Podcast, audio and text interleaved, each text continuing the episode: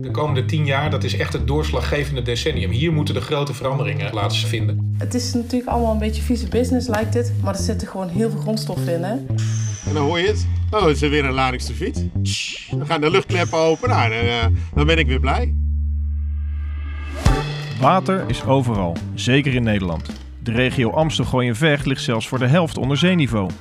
Toch weten we het water op een goede manier te gebruiken. We houden het schoon, veilig en alleen daar waar we ook water willen. En er is nog veel meer.